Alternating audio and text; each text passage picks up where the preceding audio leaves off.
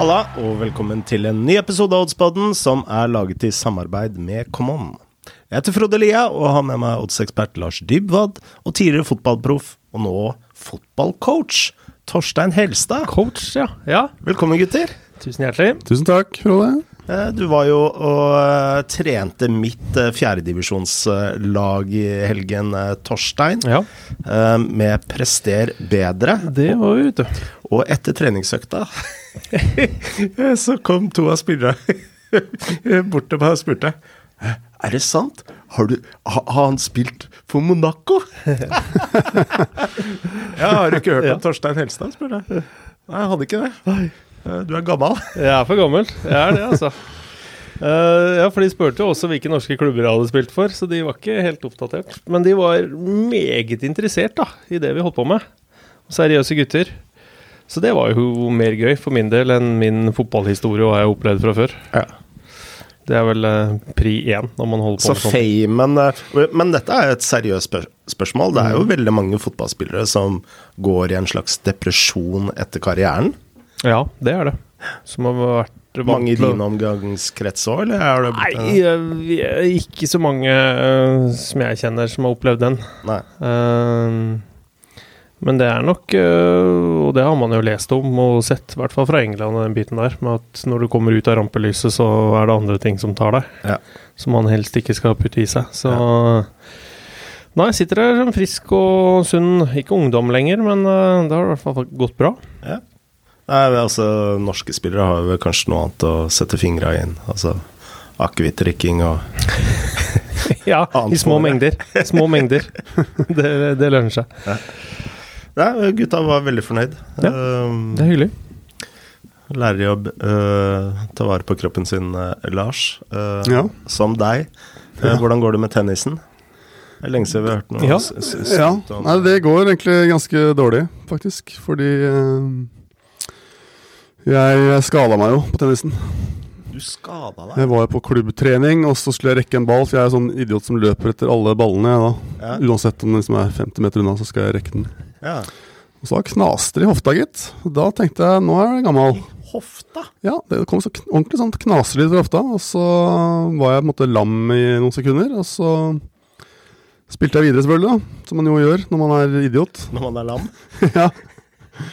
Jeg fikk jo, fikk jo selvfølgelig følelsen tilbake. Skulle fullføre treninga og lot som ingenting, som selvfølgelig. Mm. Man, skal jo ikke vise smerte eller svakhet.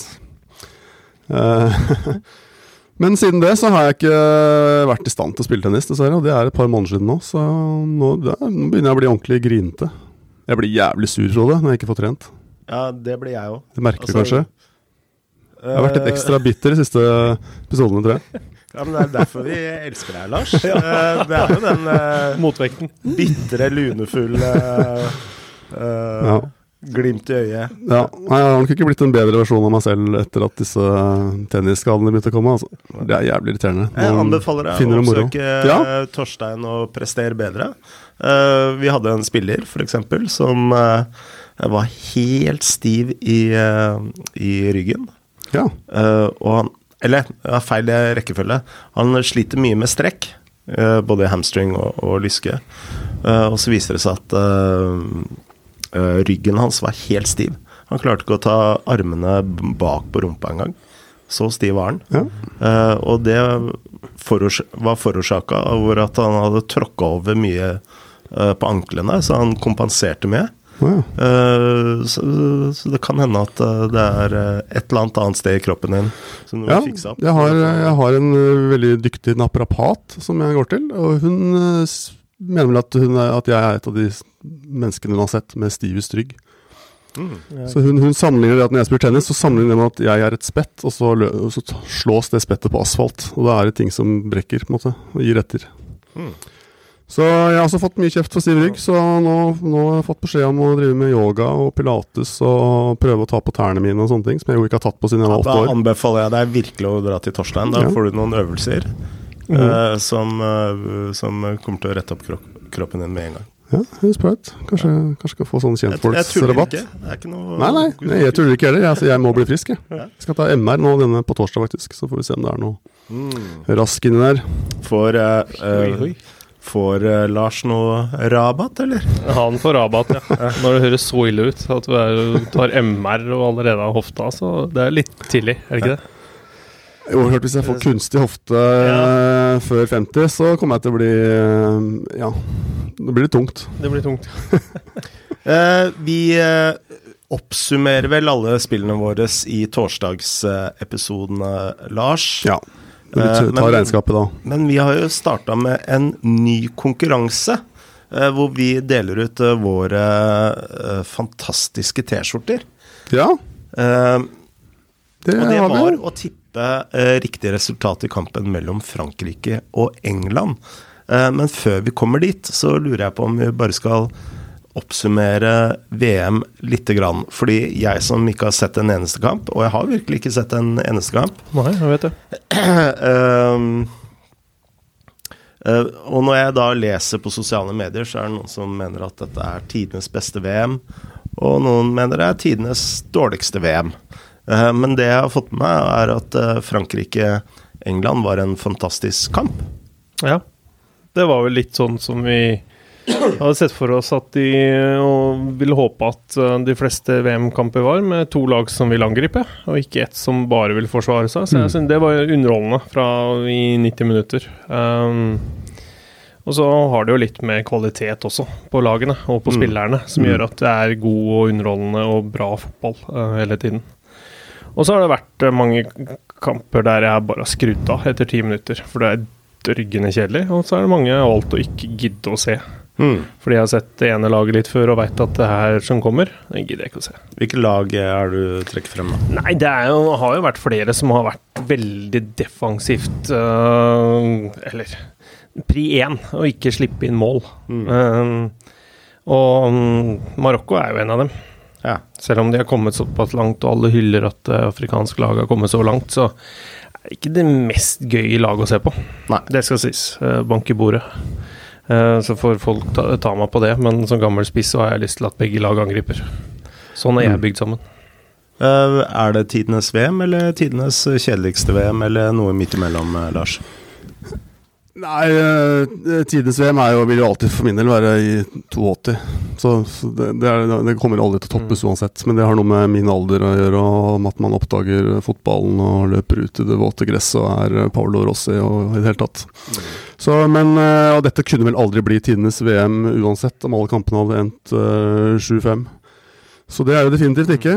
Eh, men eh, jeg syns det jevnt over har vært relativt underholdende. Det er ikke tidenes verste VM. men Vi hadde vel noen VM-er der på 90-tallet blant annet, som, som var ganske Ja, 19, defensivt eh, orienterte.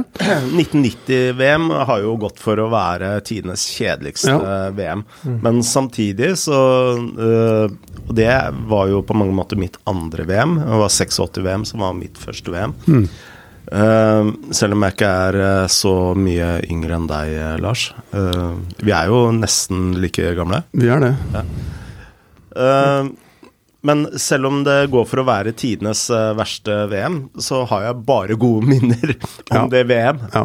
VM-et. Altså Tyskland, England f.eks., Gaza Uh, Mm. Ja.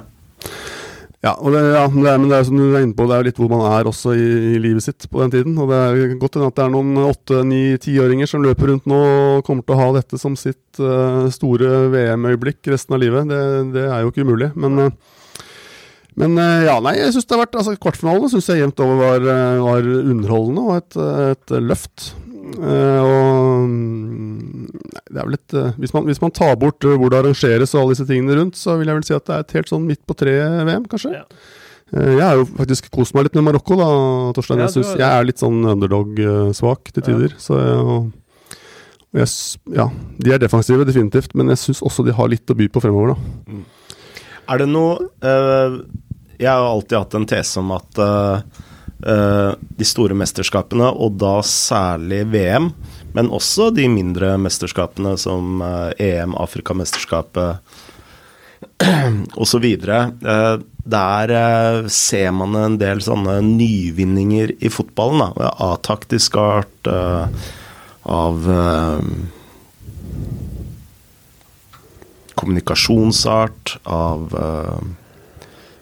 regelhardt, ikke minst. Er det noe nytt eh, i dette mesterskapet som dere tenker eh, Dette har vi ikke sett før, dette kommer vi til å se mer av i klubbfotballen f.eks. Den tror jeg skal overlate til eh, Torstein, for jeg er ikke fotballfaglig sterk nok til at jeg ser noe sånt, dessverre. Ikke så veldig mye fotballmessig. Eh, Det blir vel det at de fleste lag er ganske gode til å ta ut hverandre hvis de har behov for det. Det ser man vel litt hvordan f.eks. Argentina legger om til en femmer bak mot Nederland enn å ha spilt med en firer. Mm. Gjennom hele mesterskapet og egentlig slitt ganske mye defensivt, så kommer du med en femmer nå og er mye mer bunnsolid helt til Nederland setter på to fyr, fyrtårn Mm. som gjør at det blir litt uh, ugagn bak der.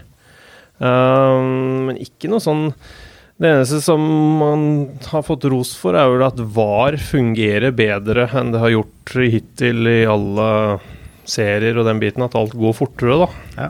Nei, for Sånn- Et godt eksempel på det jeg skal illustrere, er jo eh, 2018-VM. Hvor eh, det ble skåra veldig mange dødballmål, og da særlig fra England. Uh, og det var jo mye takket være VAR, og det var jo et slags uh, frampek på hva som uh, kom til å, å skje i klubbfotballen. Og det ser du jo også, at nå er det flere lag som tar dødballer mer seriøst. Altså Brentford er jo et godt eksempel på det. Og så ser du da som en motvekt til det at eh, man endrer hvordan man forsvarer seg på corneret. Altså Før så var det jo Det vanlige var jo å mannsmarkere, og så blei det en sånn eh, semiversjon eh, hvor eh, man sto enten to eller tre i sone pluss markeringer. Eh, til nå hvor eh, noen lag, altså ikke alle lag, men eh, står 100% i sone. F.eks. ditt lag, eh, eh, Lars eh, Liverpool, som da forsvarer seg re, i ren sone på, på corneret. Det er en sånn liten detalj. Men det har ikke vært mye dødballmål, ikke mye cornermål. Nei, det har det vært lite av. Veldig Nei, og det var Det Det, sånn, det ja. diskuterte uh, uh, jeg med noen trenere på cupfinaleseminaret, faktisk, om at eh, i og med at det ble skåra så masse eh, dødballmål i 2018, så begynner man å da liksom fokusere på uh, mottrekket, da. Eh, så det var veldig mange som spådde at eh, det ville være få dødballmål i dette VM-et. For nå har du jo lært av forrige mesterskap, ikke sant. Så ja. Det er få dødballmål, og det er veldig få mål på langskudd. Mm. Fra langt hold. Ekstremt lite. Eh, så da kan man si at det er en helt annen fotball når du veit at eh, både femmeren og fireren ligger såpass kompakt og såpass dypt at eh, du må skyte fra 40 pluss, og det gjør ikke Ja. folk lenger. Og det rommet man vanligvis ser langskudd sånn 20-25, Mm. der er det så mye folk. Mm. Men så er lagene du, Det man kanskje kan se sånn taktisk messig, er jo at de fleste lagene komprimerer veldig sentralt. De vil Og- ikke ha spill sentralt. De vil ha alle lagene til å spille rundt og ut. Mm. Og det er vel kanskje at det er såpass befolka midt og sentralt i banen at man må spille rundt på kantene, og det er jo ikke alle lag som liker. Nei. Det er jo ikke så veldig mange som spiller ut på kant for å slå innlegg. Og det var vel det samme som de sa med når Nederland satte inn de to fyrtårnene, at det er ikke sånn fotball Nederland spiller. Mm. Men plutselig måtte gjøre det, og så var det effektivt. Ja. Så det er sånne småting, da. At uh, de vil ha folk til å spille på utsiden av seg. Og det øh, fleste lag får til det å komprimere sentralt i midten. Men tilbake til konkurransen vår.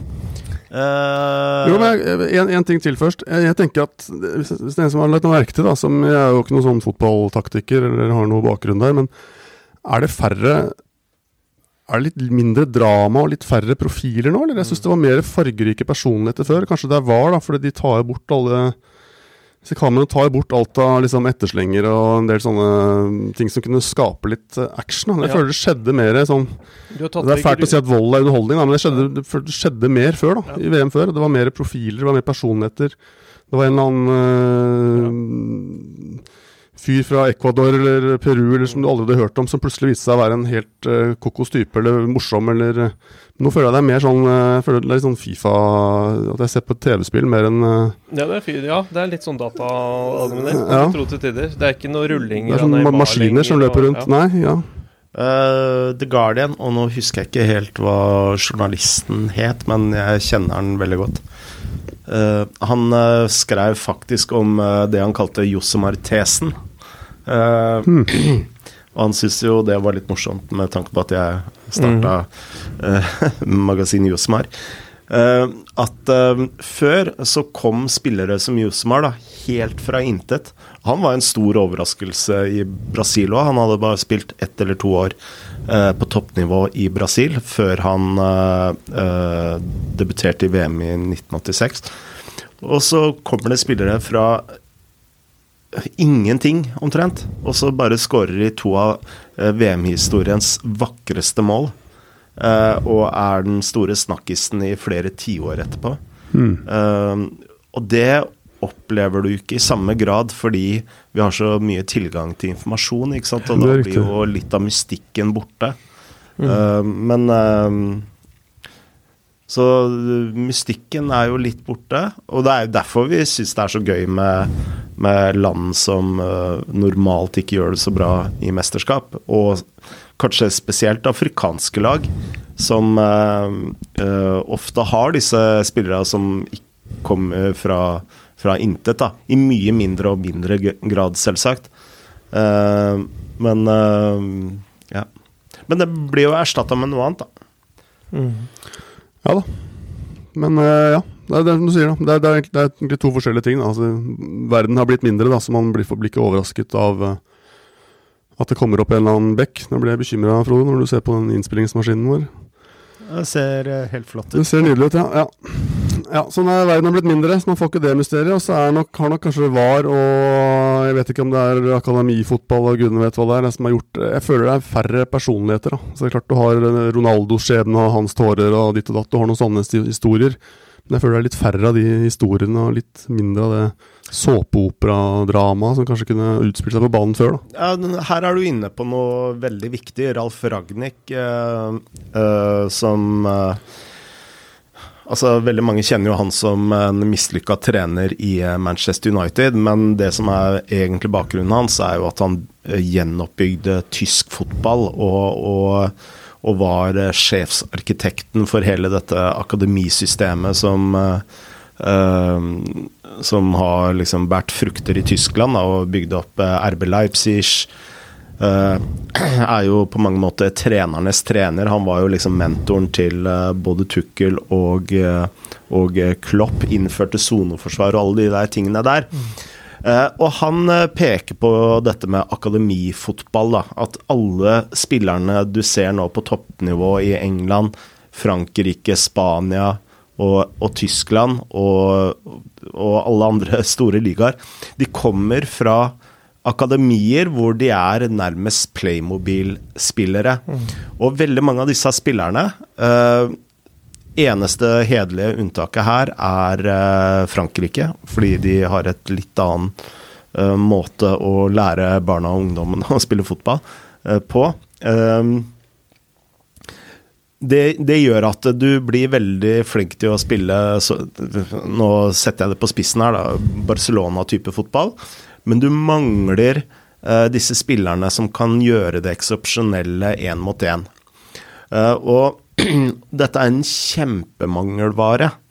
Eh, og det ser du også da i, i mesterskapene, hvor du får færre og færre av disse spillerne som gjør liksom disse eksepsjonelle én-mot-én-tingene og, og eh, driblingene som eh, Ronaldo holdt på med.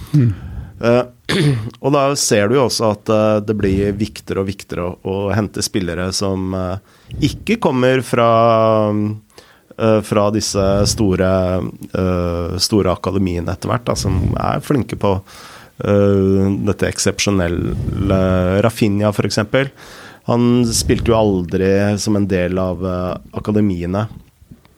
Og nå er han jo i Barcelona, og jeg var på et foredrag eh, med akademidirektøren i Barcelona. Han sa at eh, vi sliter veldig med å, å produsere eh, kantspillere og spisser.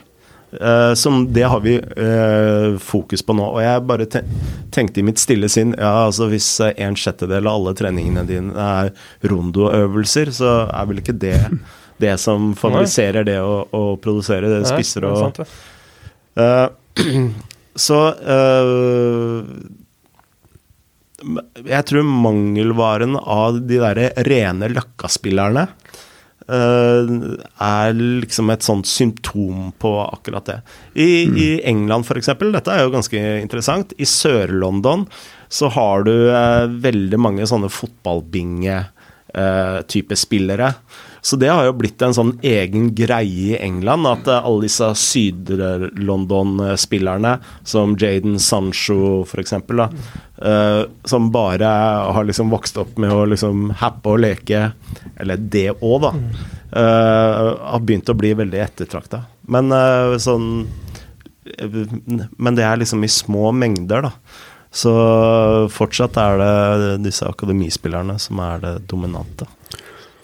Og der har du kanskje øh, summert opp forklaringen på at det er en del defensivt orienterte lag som har gjort det bra i VM, fordi det er ikke så mange som utfordrer en god organisasjon. Og kanskje også forklaringen på at Frankrike er det laget som har sett mest imponerende ut så langt i VM. Nei, jeg har jo en tese at det, øh, Og dette ser du, har du sett over klubbfotballen de øh, I hvert fall de to siste årene, og spesielt det siste året. Og det er hvis du ser uh, i toppligaene, i hvert fall de jeg følger tettest, uh, og kanskje mest åpenbart i Premier League, faktisk, det er at presshøyden har gått uh, lavere på banen. Ditt lag, Liverpool f.eks., uh, de første årene under Klopp, så var jo presshøyden skyhøy. Nå, nå går de mye oftere i lav blokk, eller middelblokk, istedenfor høyblokk hele tiden, som eh, Klopp holdt på med i, i Dortmund. Og det gjør jo også eh, det mye trangere, ikke sant? Og mindre rom å angripe i. Interessant. Definitivt. Du sovner, Nei, men det, det, det stemmer jo, og det er jo en grunn til at lag spiller og bruker mer touch, og det går fra side til side til side. Det er enklere å forsvare seg. Det er det. Av at man Ser man bare i Norge, da. At man produserer jo mer og mer. Alle vil jo spille midtbane. Alle vil jo være sentral midtbane. Alle vil være best mulig borti ballen, selv om du finner dem på på yngre, yngres alder også, så det er jo litt det samme problemet i Norge som Mm. det er på akademiene ute, ute av Norge. Så Nei, en litt annen type fotball enn i hvert fall når jeg vokste opp. Men der er jo mot, mot motstrøms går jo sånn som Mbappe, det er kanskje derfor han er den store stjerna, er at han skal utfordre. Han utfordrer gang på gang. Og så har du Haaland, som er inn, bak, inn, bak, så jeg skårer mål. Og det er litt sånn derre det er det, kanskje derfor det er dem som er dem som ligger der oppe, da, som er mest interessante av spillerne per dags dato. Så Og det syns jeg er gøy, for der er det jo Det skal være effektivt. Det skal ende opp i mål, i stedet for at det skal ende opp i en støttepasning for hundrede gang. Men uh, det er jo litt sånn uh, uh, Interessant at du trekker fram Mbappe, fordi Frankrike Og dette gjelder ikke bare i fotballen, men det er morsomt at i håndballen f.eks. òg, så er de veldig opptatt av enkeltspilleren. Altså én mot én-ferdigheter, f.eks. Ja. Så når håndballag lærer seg å spille håndball, så lærer du ikke pasninger, f.eks., sånn som man gjør stort sett alle steder, men du lærer å spille én mot én. Det er liksom det første du lærer som håndballspiller. Så de første årene så spiller jo alle håndballag med høyt press. Det samme med fotballen. Eh, Du lærer ikke å spille fotball ved å trene pasninger, f.eks. Du lærer ved å spille én mot én. Det hadde vi jo med Når jeg var såpass heldig å ha Jørg... Nei, um, hva heter han? Uh, åh. Uh, vi kalte den bare Koksnase. Uh, tyske treneren som skulle ta over uh, landslaget, men som sniffa han litt. Så kom han til oss i Østerrike. Kristoffer Kristoff Dam. Dam. Dam, ja. Sto helt stille. Og han var jo sånn på treningsleir. Det var eh, tre uker i Tyrkia, og det var hver dag så var det en og en halv til to timer, én mot én. Mm. Mot én. Du skulle forbi han mannen din. Du skulle forbi han mannen din. Det var så sykt fokus på akkurat det der. Mm. Den er ikke der lenger. Nei. Og det er liksom sånn Altså I moderne fotballen så er jo det egentlig den eneste måten å skaffe deg et overtall på. Da. Ja. Det er jo å drible en mann. Ja. Ja, det er det. Men bra. Yes. Eh, tilbake Ja, til skrev vi. England-Frankrike. eh, Ja. der, konkurransen vår er som følger, eh, Lars. Eh, tipp riktig resultat i den kampen vi velger ut. Og nå var det England-Frankrike. Og var det noen som fikk eh, riktig resultat? Ja, det var det. Ehm, Jeg vil jo si at eh, jeg var litt, skuffet over antall deltakere, må jeg faktisk kunne si. Mm. Eh, Det var ikke så mange som eh, sendte inn, så det, det er litt sånn opp i ringa. Jeg vil jo tro at uh, det fins jo ikke kulere plagg enn en grønn Oddsboden-T-skjorte. Absolutt ikke. Så det er jo pussig. Men uh, vi, fikk inn, uh, vi fikk inn en del bidrag, det gjorde vi. Men det var, var bare én som tippet riktig. Og skjebnen ville ha det til at det var samme mann som foreslo denne konkurranseformen. René Johan Ulvik Larsen. det liker vi. Det er skjebne Så her var det en Han trenger ikke to eh, trøyer. Nei, det er for i så fall eh, ja, Han skrev en melding her om at det er fint med julegaver òg, så vi får se hva vi, vi får forhandle litt med han. Men eh, trøye får han i hvert fall. Ja. Eh, neste Det er, nest, det er, det er litt sånn Fifa-aktig, det er å, finne på konkurransen og så vinne den selv. Helt utrolig. Eh, men vi må finne en eh, ny eh, kamp å, å tippe. Eh, hva med Frankrike-Marokko? Nå har vi snakka litt om de to. Ja. Kan vi ikke ta den? Den er Jo. på onsdag, så da burde alle ha god tid til å sende inn et Ja. resultattips der. Og det kan man gjøre til post at oddspodden.com, eller på Twitter. Oddspodden nå heter kontoen vår der. Eller på Facebook, for så vidt. Så da må du søke oss opp, for jeg husker ikke hva den heter. Men uh, Vi er Ja. der. send inn, bli med. Hvis ikke man er gira på T-skjorte, så er jo ære og berømmelse også selvfølgelig på spill her. Henger høyt, da. Ja, det henger jo mye høyere enn noe annet. Ja, men bra. Ja, flott. Skal vi snakke litt uh, kamper? Uh, det er to semifinaler som spilles denne uka. Uh, det er championship er kommet i gang. Ja. Serie B i Italia er i gang. Ja, kanskje kanskje du skal begynne, Torstein? Ja, vi gjør vel som vi pleier, Lars, gjør vi ikke det? Vi går gjennom disse to kampene. Jo, vi får vel jo- eh, fullføre VM-stil. Vi får vel det. Prøve. Har du tipp, tippa noen eh, VM-kamper riktig? eh? Nei, Det tror jeg faktisk ikke jeg har gjort. Det har ikke vært, det har ikke vært mitt skikkelig, VM Ja, ja, ja, definitivt. Jeg har eh, Nei, det er helt forferdelig. Jeg har, eh, jeg har hatt en sånn vennekonkurranse også med noen gamle kompiser, hvor vi har tippa alt som er. Og jeg leda etter eh, to runder av gruppespillet, tror jeg. Og siden det så tror jeg faktisk ikke jeg har hatt én eneste riktig. Nei. Så nå ligger jeg vel nesten sist. Så det er, det er flaut og trist, men uh, Ja, ja. Jeg, lurer på om læringen jeg skal ta med meg til neste mesterskap, er å, at man må se man må, er, Vi snakket litt om Petter Wæland i den episoden som aldri ble noe av. Mm. Det er det å, å, å ta til seg informasjon fort, da, og ikke være opphengt i eh, den, for den research man har gjort på forhånd. ja. For sånn som Marokko har egentlig bare levert hele veien. Samme fotballen, samme effektive stilen, vært defensive. Ja, så hvorfor har man ikke spilt på Marokko og spilt på under, og de har slått ut lag etter lag? Så det må jeg ta til meg, at jeg må justere meg litt fortere etter hva jeg faktisk ser på TV-en. da. Men uh, det er klart så har andre enn meg blitt lurt, da. Vi så jo et Portugal som imponerte oss, Ja. og som falt helt igjennom uh, og ikke fikk til noe som helst. Så der, der går det andre veien, da. Ja. Men, eh, Det er litt hvordan de står imot hverandre. Det er Ja. helt rett. men når man ikke kan tjene penger på et mesterskap, så får man i hvert fall prøve å lære noe av det, da. Det var Men vi har jo Argentina og Kroatia, da. Ja. Tirsdag klokka åtte. Der er Argentina favoritter. 1,83 odds hos Camon. 3,35 på uavgjort. Mhm. Og igjen så har vi en sånn holdt på å si evig outsider da, i Kroatia, som står til 5,25. Eh, jeg skal bare ta overen og underen. Overen over 2,5. Hele 2,50 der, som er høyt. Det er høyt. Og under da til 1,55. Det var ikke overraskende. Um, til og med guttungen sa i går da når jeg var og henta han på toget, at uh, Tenk deg, pappa, det kan bli Kroatia og Frankrike i finalen igjen. Som det var Ja. i forrige VM. Jeg tenk på det. Og det er ikke umulig. Det er ikke det. Det stinker jo eh, ekstraomganger og straffer, og så er Kroatia en ny VM-finale. Um, jeg tror ikke ehm, Argentina kommer så defensivt som de gjør mot Nederland. Det tror jeg kommer litt av at de, uh, Kroatia har ikke vært så bra offensivt som det Nederland har uh, vært hittil. Mm. Så at det kanskje blir litt mer, litt mer åpent, kan det bli. Uh, men det skal litt til for å slå det kroatiske laget, altså. Jeg, jeg trodde de skulle slite mer defensivt enn det de gjorde nå i kvartfinalen, men de var overraskende bra.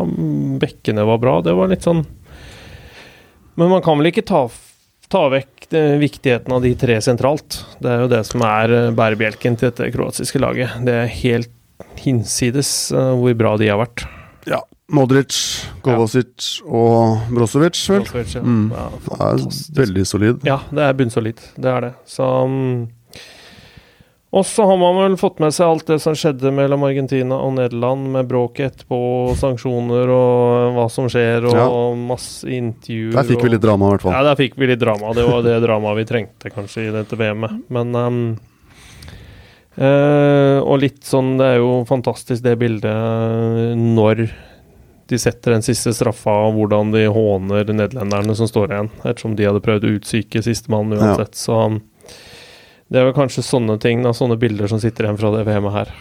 Det sier kanskje Men det har blitt en del av de bildene der eh, i- forskjellige kamper. Det har faktisk det. Så ja, det blir tett og jevnt. Uh, vi satt og diskuterte litt uh, først. Nå kan jeg si det jeg titta på. Det er vel Kroatia pluss 0,25.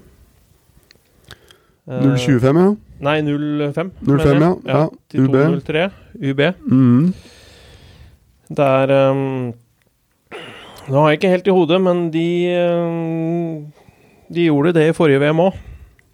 Spilte U, vant på straffer, havna i en finale. Og det har de jo gjort nå to ganger også, så i dette mesterskapet, så um, Det kan De taper jo sjelden kamper, Kroatia. De gjør det, faktisk. Eh, og de har en evne til, selv om de ligger under, og også på overtid, komme tilbake når de trenger det. Så mm, jeg er i hvert fall litt på den linja der, når ikke jeg er like tøff som dere to er på å spille ren U.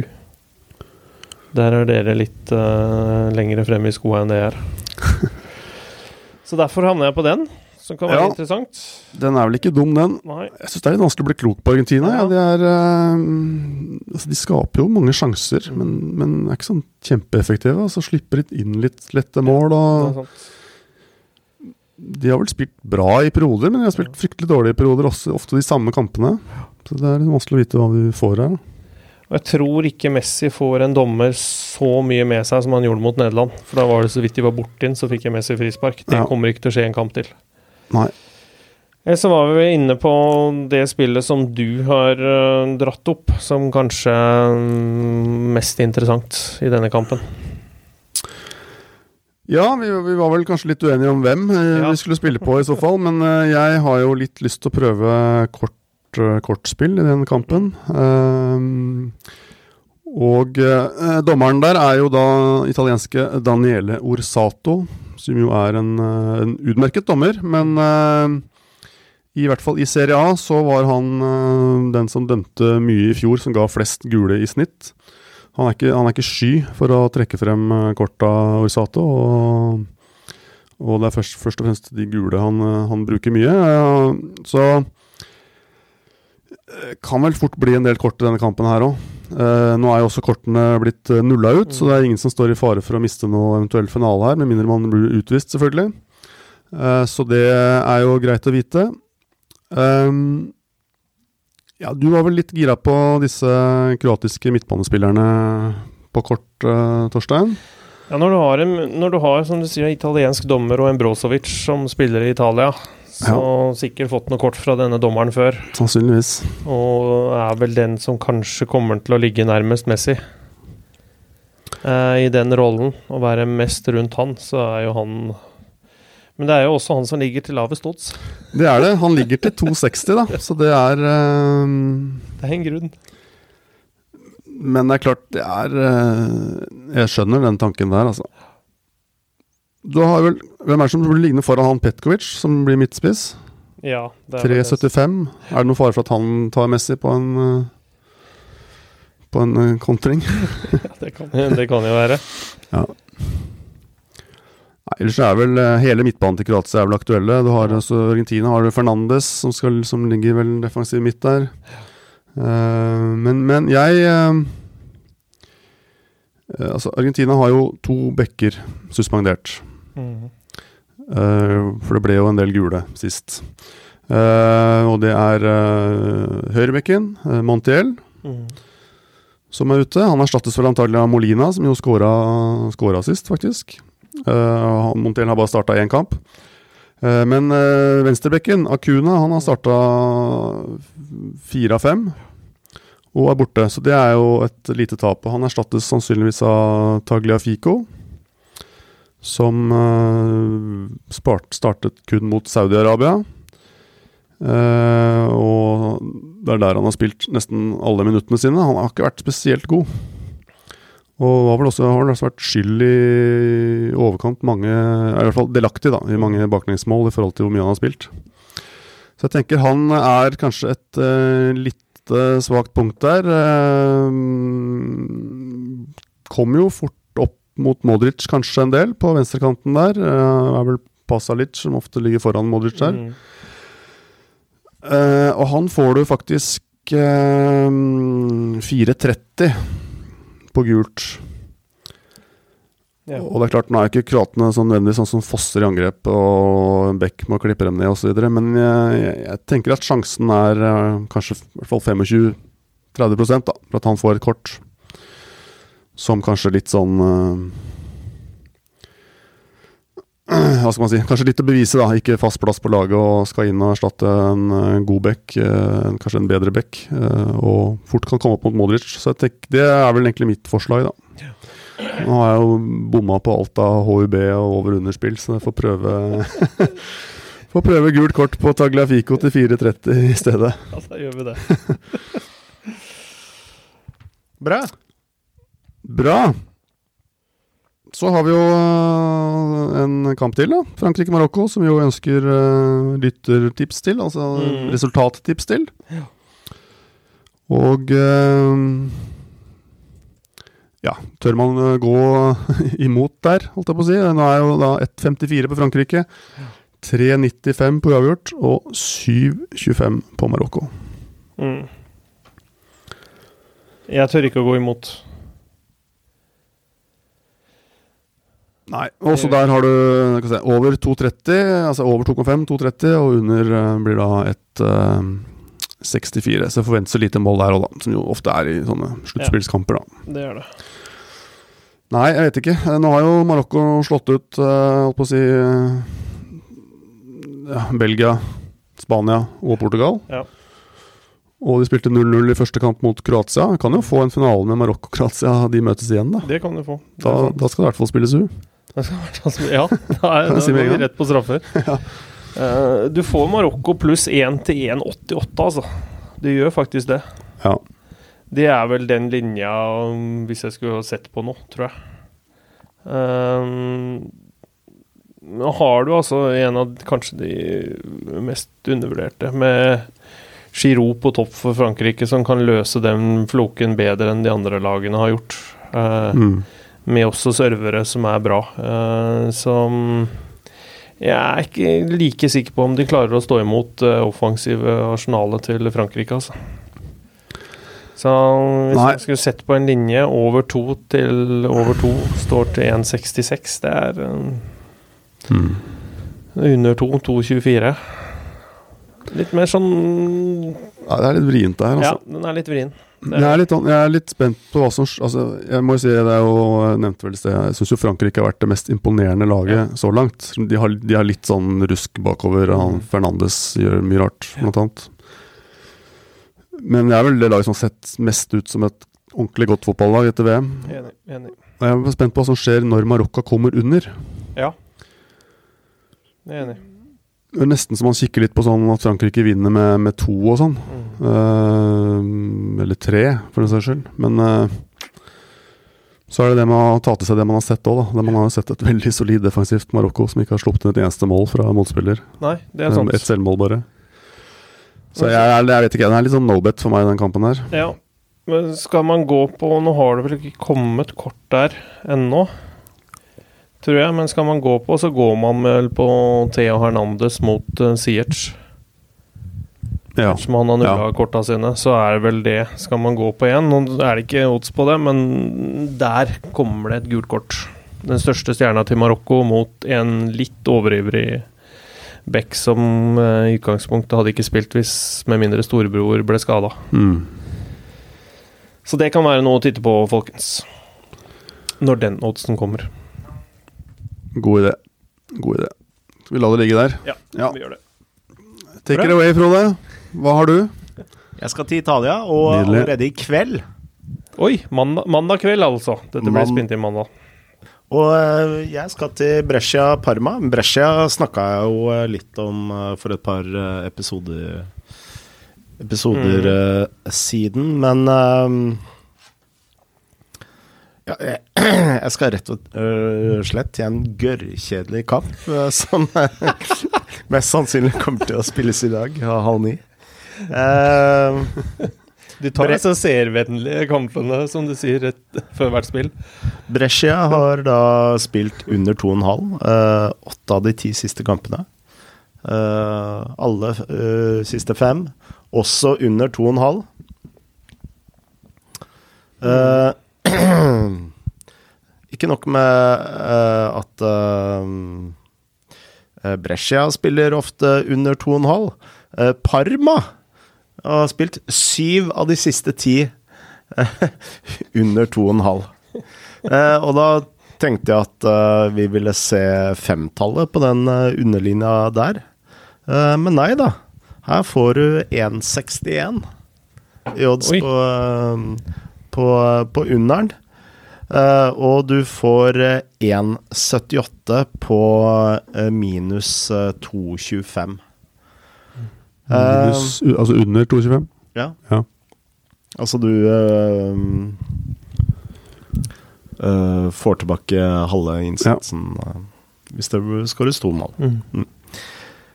Eh, og det tror jeg er så fint odds, sånn statistisk, at Og dette er jo to lag som er tett ved siden av hverandre på tabellen. Eh, Beklager. Eh, De er på en eh, henholdsvis eh, sjette og syvende Mm. eh, plass, så dette tyder jo på at det skal bli et eh, jevnt og eh, målfattig oppgjør. Eh, sist, sist gang disse to møttes, var vel i april. Da vant eh, Brescia 1-0. Eh, forrige kamp i eh, Da må vi tilbake eh, akkurat et år tilbake. Eh, da vant eh, Brescia også 1-0 borte. Eh, så de to siste kampene har da gått eh, under eh, 2,5-linja. Åtte av de ti siste totalt, faktisk. Nå har jeg ikke sett på hvor langt tilbake i tid vi skal da, men eh, det støtter jo fint opp under, i hvert fall. Ja. Eh, jeg er litt sånn i tenkeboksen om jeg skal kjøre minus eh, 2,25 eller minus 2,50. Eh, Du sier minus, er det du snakker med ener under, eller? Ja, under, ja. Ja. Ja. Mm. Det er minus. ja. uh, vil du ha innspill på det, da, eller? Ja. Jeg venter på innspill. Ja, nei, eh, nei eh, mm, Ja. Det er, det er jo litt sånn på spark igjen da, når man ikke har gjort eh, research i Serie B på en stund, men eh, jeg ville vel kanskje tatt uh, 2,5-linja. 2,5? Ja. ja. Da gjør vi det. Litt, litt kjedeligere odds, selvfølgelig, men uh, det er litt sånn 1-1-kamp der, er det ikke det? Kan fort bli 1-1. Sånn Det er veldig på spark og uten å ha gjort noe research på den kampen. da. Nei, altså, jeg, jeg tenkte veldig på uavgjort-linja her, men eh, nå har det jo vært eh, fi, Da hadde det blitt fire uavgjort-spill på meg på rappen. Eh, og tre odds på, på U, det Ja. Vi, vi, vi sier det er spillbart, men eh, samtidig så er det litt sånn tilt mot Brescia her, i denne kampen her. Så eh, nei, jeg syns under er et fint spill.